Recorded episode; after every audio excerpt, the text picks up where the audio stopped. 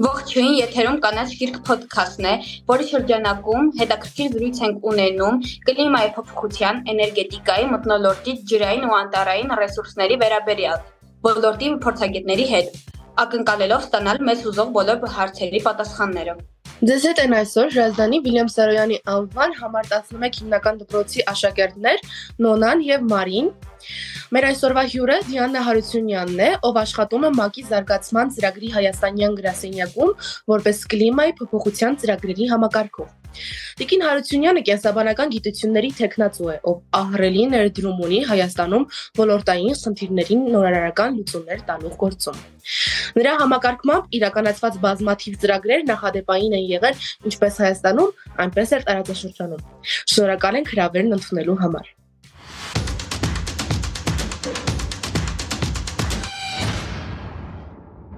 Շնորհակալություն Մարի, շնորհակալություն Նոնա ինձ հրավիրելու համար այս ոդքասթին։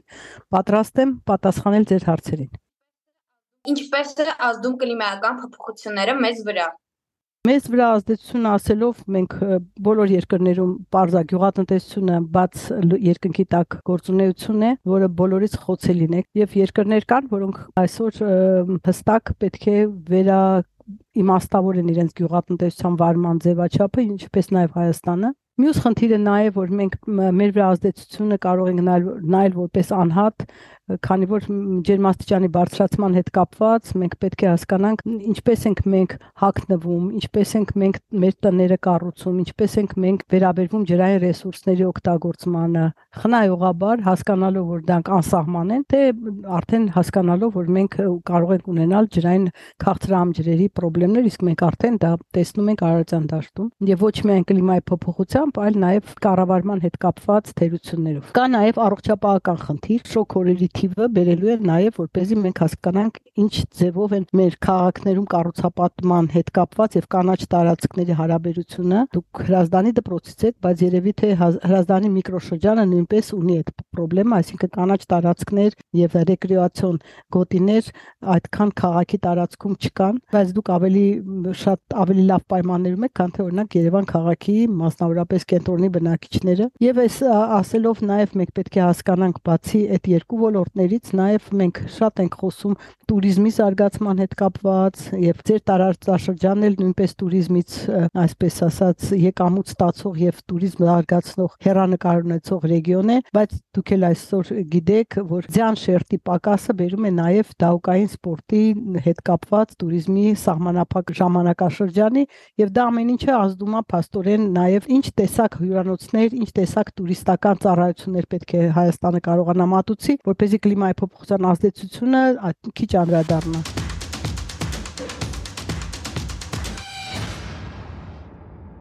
Կլիմայի փոփոխությունը արդյոք կփոխի աշխարհագրական քարտեզը։ Եվ եթե այո, ապա մոտ ապագայում? Կլիմայական քարտեզ ասելով պետք է հասկանանք, որ կլինեն փոփոխություններ, որոնք շատ կարող է մեր կյանքի ընթացքում կարող է միգուցե ձեր կյանքի ընթացքում ակնհայտ լինեն, որովհետև միգուցե շատ ցածրադիր կղզի երկրների համար արդեն այսօր էլ մարտահրավեր է կլիմայի փոփոխության եւ օվկիանոսի մակարդակի բարձրացումը, բայց համենայն դեպս այսօր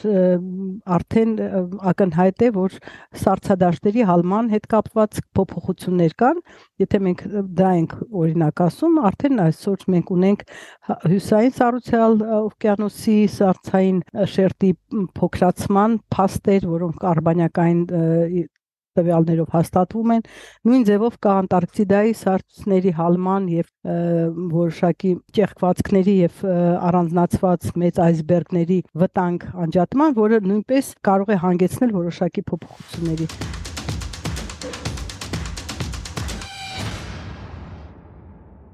Որոնք են գլոբալ տաքացումների պատճառները։ Վերջերս հաճախ է օգտագործվում ոչ թե գլոբալ տաքացում, այլ կլիմայական ճգնաժամ հասկացությունը։ Դեռևս 70-ական թվականներին արդեն նկատվեց որոշակի փոփոխություններ կլիմայական ընդհանուր գլոբալ համակարգում եւ պատճառները այդ ժամանակվանից սկսած սկսվեցին վերլուծվել եւ պատճառը հետևանքային կապերը հասկացվել գիտական համայնքում հետո դարավ դա նաեւ քաղաքական փաստաթղթի հիմք դա կլիմայի փոփոխության կոնվենցիան է որը ՄԱԿ-ի երկրները ստորագրել են 93 թվականին պատճառը հիմնականում 1850 90-ական թվականից համարվում է արդյունաբերական հեղափոխության դարաշրջան։ Այդ ժամանակ երբ սկսվեց արդյունաբերական ակտիվ գործունեություն սկզբից Անգլիայում, իսկ հետո նաև այլ երկրներում, այդ ժամանակ էներգիայի օգտագործման ծավալները, պահանջը շատ մեծացավ։ Եվ այդ ժամանակից սկսած տնտեսական զարգացումը կապվում է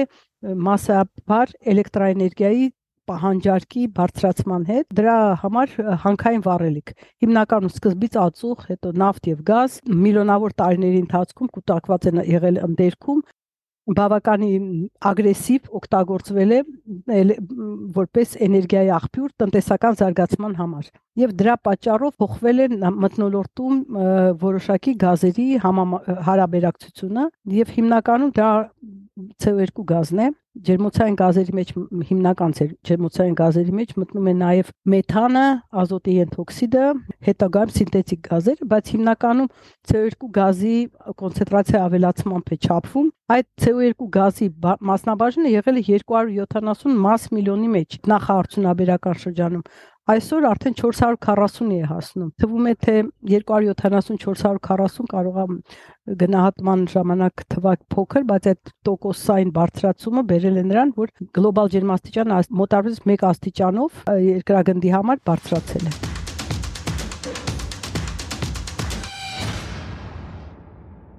Կլիմայական փոփոխությունները ինչ ազդեցություն են ունենում կենթանական աշխարհի վրա։ Այսօր արդեն փաստ է, որ բավականին կենթանական տեսակներ, ինչպես նաև բուսական տեսակներ վերացել են եւ կան նաև կենթանական տեսակներ, որոնք կլիմայի փոփոխությունից ամենաշատ ազդեցությունն են կրում։ Դրանք բերվում են նաև դուք կարող եք տեսել եք նաև հերոստատեսությամբ կամ պլակատների վրա, օրինակ դա Հյուսիսան Սառուցյալ օվկիանոսի հիմնական սպիտակ արջերի վրա է այդ բոլոր օրինակները բերվում, որովհետև իսկապես այսօր նրանք կորցնում են իրենց սննդային, այսպես ասած, շղթան եւ իրենց կենսա ապահովման վայրերը։ Երկրորդ, այսպես ասած, ելի որ շատ ակնհայտ վնասները ֆիքսված են, Դրանք կորալային կղզիներն են, որոնք ամբողջ կենսաբազմազանությունը օվկիանոսների այդ կորալային շերտի շուրջ է կառուցվում։ Դրանք թթվայնացման process-ի հետ կապված, երբ որ մթնոլորտում CO2-ը ավելանում է, մի մասը կլանվում է օվկիանոսային ջրի հետ կապված եւ դառնում է H2CO3-ը։ Թթվայնացման հետևանքով օվկիանոսներում կոչվում է գունազրկում կորալների, այսինքն կորալները մահանում են եւ եթե մահանում են, նաեւ օվկիանոսի կենսաբազմազանության վրա է ազդում ինչպես նաև այն կենթանիների, որոնց կենսապահովման համար անհրաժեշտ են այդ անտառները, միջավայրը, փաստորեն մեզ համար որպես մարտեակների նույնպես կախված բնության իրավիճակից իհարկե մենք շատ ավելի հարմարված ենք, քան թե կենթանիները, որտեղ իրենք փաստորեն չեն կարող փոխել կենսապահովման պայմանները եւ պետքա միգրացիայի ենթարկվեն, իսկ միգրացիայի համար շատ հաճախ հնարավորությունները սահմանափակ են, այսինքն կարող է արդեն զբաղված է այդ կենսական տարածքը կամ էլ արդեն բնակավայր է։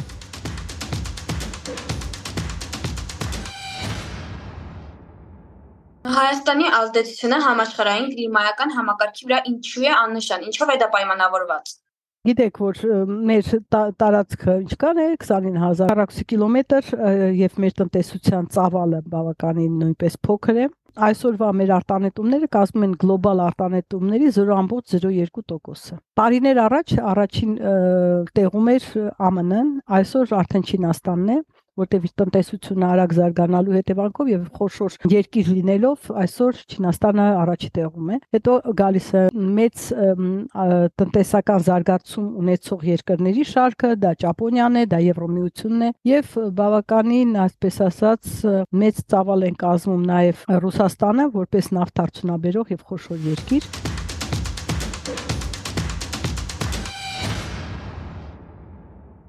Կարելի է արդյոք մեղմացնել կամ կանխարգելել կլիմայական փոփոխությունների ազդեցությունը, թե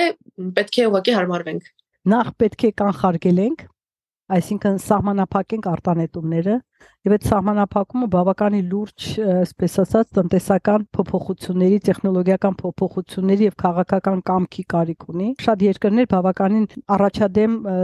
այսպես ասած, հանձնառություններ են վերցրել արտանետումները նվազեցնելու, այդ թվում Եվրոմիությունը, նույնիսկ Չինաստանը, նույնիսկ ԱՄՆ-ն, որոնք սկզբնական շրջանում այդքան ակտիվ պարտավորություններ չէին վերցնում, որովհետև միայն եթե չվերցվեն այդ պարտավորությունները չսահմանափակվին, Փարիզյան համաձայնագրի դրված թիրախը պետք է ջերմաստիճանը գլոբալ չբարձրանա նախարարությունաբերականից 2 աստիճանով, որը վտանգավոր շեմ է։ Դրանից հետո կանխատեսել ինչ խնդիրներ կլինեն ընդհանուր երկրագնդի տարբեր մասերի վրա, տարբեր երկրների վրա շատ դժվար է կանխատեսել եւ դա սահմանափակելու, այսպես ասած, հիմնական նպատակն է, բայց միաժամանակ պետք է զուգահեռ հարմարվել, որովհետև նույնիսկ եթե այսօր բոլորը դադարեցնեն արտանետումները, միևնույն է գլոբալ համակարգ ունի որոշակի իներցիա եւ միևնույն է ջերմաստիճանը կշարունակի բարձրանալ։ Իհարկե հետո կստաբիլիզացվի, բայց այսպես ասած դա տեսական ենթադրություն է, որ հնարավոր չի որ արտանետումները զրոյականան, բայց միևնույն է կլիմայի փոխության այդ տենդենսը շարունակվելու է եւ դրա համար հարմարվելը շատ լուրջ կարիք կա, որ เป զի այս այդ փոփոխության վնասը ավելի մեղմվի։ Հայաստանը անցյալ տարի մշակել էր, հաստատել էր կլիմայափոխության հարմարվողականության ծրագիր, որի մեջ կան բացատրություններ ինչու համար անել եւ կան որոշակի քայլեր։ Իհարկե դրանք լիարժեք չեն, իրանք պետք է նաեւ իրականացվեն, որտեվ չի կարելի միայն դրանք չպետք է լինեն թղթի վրա, դրանք պետք է դառնան գործողություններ։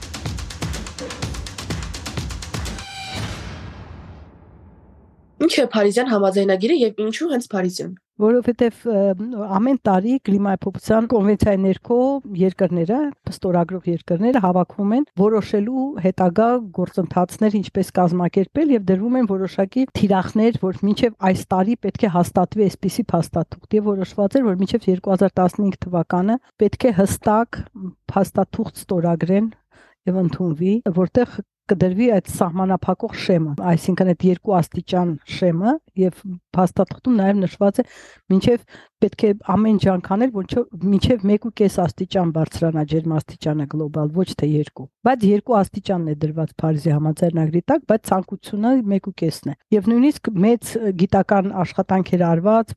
բազմաթիվ գիտնականների աշխատանքներով ընդհանրացված, կոչվում է կլիմայափոխության փորձագետների միջկառավարական խումբ եւ նույնիսկ կարելի են գնահատում ինչ տարբերություն կա, եթե ջերմաստիճանը բարձրանա 1.5 աստիճան, ինչ վնասներ կլինեն եւ ինչքան կորուստներ կլինեն եւ ինչ կամ կլինի, եթե միջև 2 աստիճան բարձրանա։ Եվ այդ համաժողովը այդ կողմերի կոնֆերանսը տեղի ունեցել Փարիզում։ Ինքը բավականի ծանր բանակցային process էր, որտեղ կան շահերի բախում, կան հետաքրքրությունների բախում, կան նարդ հարցունաբերող երկրներ, շահագրգռված չեն, որպես իրանց տնտեսությունը տուժի, եթե նավթի օգտագործման եւ այլն։ Կան երկրներ, որոնք ցածրադիր են եւ կղզի երկրներ են, որոնք հիմնական, այսպես ասած, տուժող երկրներն են եւ ամենաառաջի հարվածը նրանց վրա է լինելու եւ կա արդյոք եւ նրանք բարձրաձայնում են որ կորցնում են իրենց հայրենիքը, կորցնում են իրենց երկիրը, այսինքն իրենք դառնում են կլիմայական միգրանտներ եւ այդ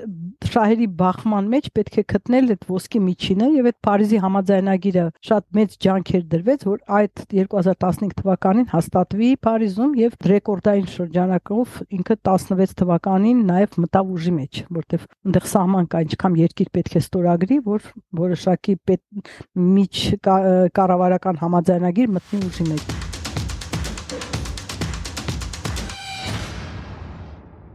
Ինչպիսի կլիմայական փոփոխություններ են տեղի ունեցել Հայաստանում վերջին շրջաններում։ Երբ ես ասեցի գլոբալ ջերմաստիճանը 1 աստիճանով է բարձրացել, Հայաստանում ջերմաստիճանը բարձրացել է արդեն 1.3 աստիճանով, այսինքն ավելի շատ, քան թե գլոբալ միջինն է, եւ միաժամանակ կա նաեւ հիդրոմեծարայության դիտարկումները, որ մեր մոտ տեղումներն են ապակասել եւ այս տարի էլ դուք բոլորդ R31, որ մենք ձյան տեսքով տեղումներ բավականին քիչ ունեցանք։ Ձյան շերտերի բացակայությունը նշանակում է, որ մենք գետային հոսքը մեր մոտ չի կարող նույն ձևով ձևավորվել, ինչպես եթե ձյան շերտը դանդաղ հալվում է եւ ստեղծում է երկարաժամկետ նորմալ գետային հոսք կայացած ցանշերտի դեպքում մենք ունենում ենք նաև ինֆիլտրացիա, այսինքն ստորերկրյա ջրախփյուրների հարստացում, որը ելի մակերեսային հոսքի դեպքում չի ստացվում։ Երկրաբանական մի շարք ցուցանիշների գնահատմամբ եւ գիտական տվյալներով երկրի երկրաբանական պատմության ընթացքում կլիմայի փոփոխություններ տեղի են ունեցել բազմիցս 100 հազարից մինչև 100 միլիոն տարի մասշտաբներով։ Թվում է, թե դա բնական գործընթաց է, բայց հիմա ասում են, որ հիմնականում մարդիկ են նպաստել։ Այդ ինչպես եւ երբ։ Այդ հարցը բավականին շատ շահարկված հարց է, որովհետեւ կան կլիմայի մերժող գիտնականներ եւ տասնյակ տարիներ առաջ շատ ավելի շատ են հիմա ավելի քիչ եւ ասում էին որ միշտ էլ եղել է դա արևային ճառագայթման տարբերություն է դա երկրագնդի առանցքի ինչ որ շեղման արդյունք կարող է լինել եւ ինչպես եւ եղել է ունեցել ենք դեպի դարաշրջաններ բայց հստակ դա կոչվում է կորելացիոն այսինքն ստատիստիկական կապ ստեղծող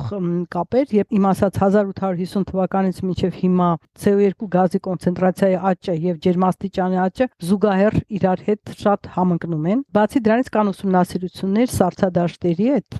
Անտարկտիդայում եւ Հյուսային Սառուցյալ օվկիանոսում երբ կոչվում են սառցային կեռներ այսինքն երբ վերցվում է շատ խորը շերտով այդ սառցադաշտ եւ չափվում է այնտեղ CO2-ի կոնցենտրացիան դա բերվում է համեմատության հետ կապված վերլուծության ինչքան է եղել այդ հազարամյակներ առաջ այդ սառցաշերտի մեջ CO2-ի կոնցենտրացիան, այսինքն դա իրար հետ կապվում են նաև ջերմաստիճանի փոփոխության հետ։ Ջերմաստիճանի բարձրացում այսպիսի արագությամբ այսքան կարճ ժամանակում երբեք չգնահատվել բոլոր հնայաբանական, երկրաբանական ուսումնասիրությունների արդյունքում։ Զուգահեռները գազի կոնցենտրացիա ավելացում եւ ջերմաստիճանի բարձրացում դրանք շատ իրար հետ կապված եւ փաստային եւ մաթեմատիկական հավաստագրված են։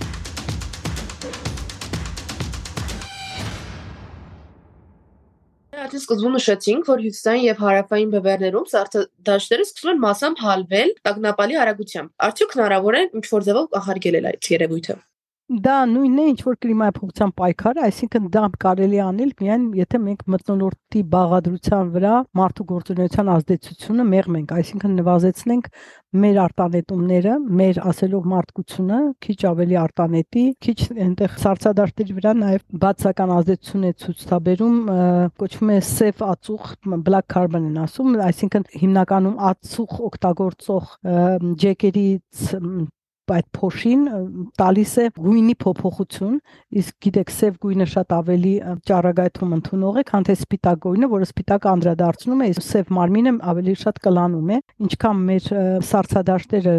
այսպես ասած մաքուր լինեն այդ նաև իր գունային կոչվում է ալբեդո, այսինքն գույնի փոփոխությունը սարսադաշտերի քիչ լինի ազդեցություն, այսինքն երկու գործոն մտնորդային օդի եւ աղտոտման հարաբերությունը երկուս իրար հետ վնասակար ազդեցություն են ունենում ալբեդոյի վրա։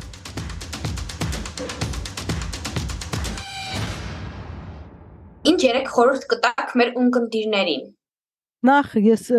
խորհուրդ կտամ ձեր ունկնդիրներին, ձեր հասակակիցներին, որպեսզի շատ ակտիվ լինեն, որպես շահախնդիր իրենց ապագա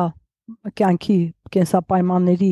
ապահովման համար պահանջելով եւ մեր կառավարությունից եւ լինելով նաեւ ակտիվ միջազգային այսպես ասած տարբեր հարթակներում որպես երիտասարդների ձայնը բարձրացնող խնդիր, որտեվ երիտասարդները միշտ պետք է մտածեն, որ պետք է պաշտպանեն նաեւ իրենց շահերը ապագայի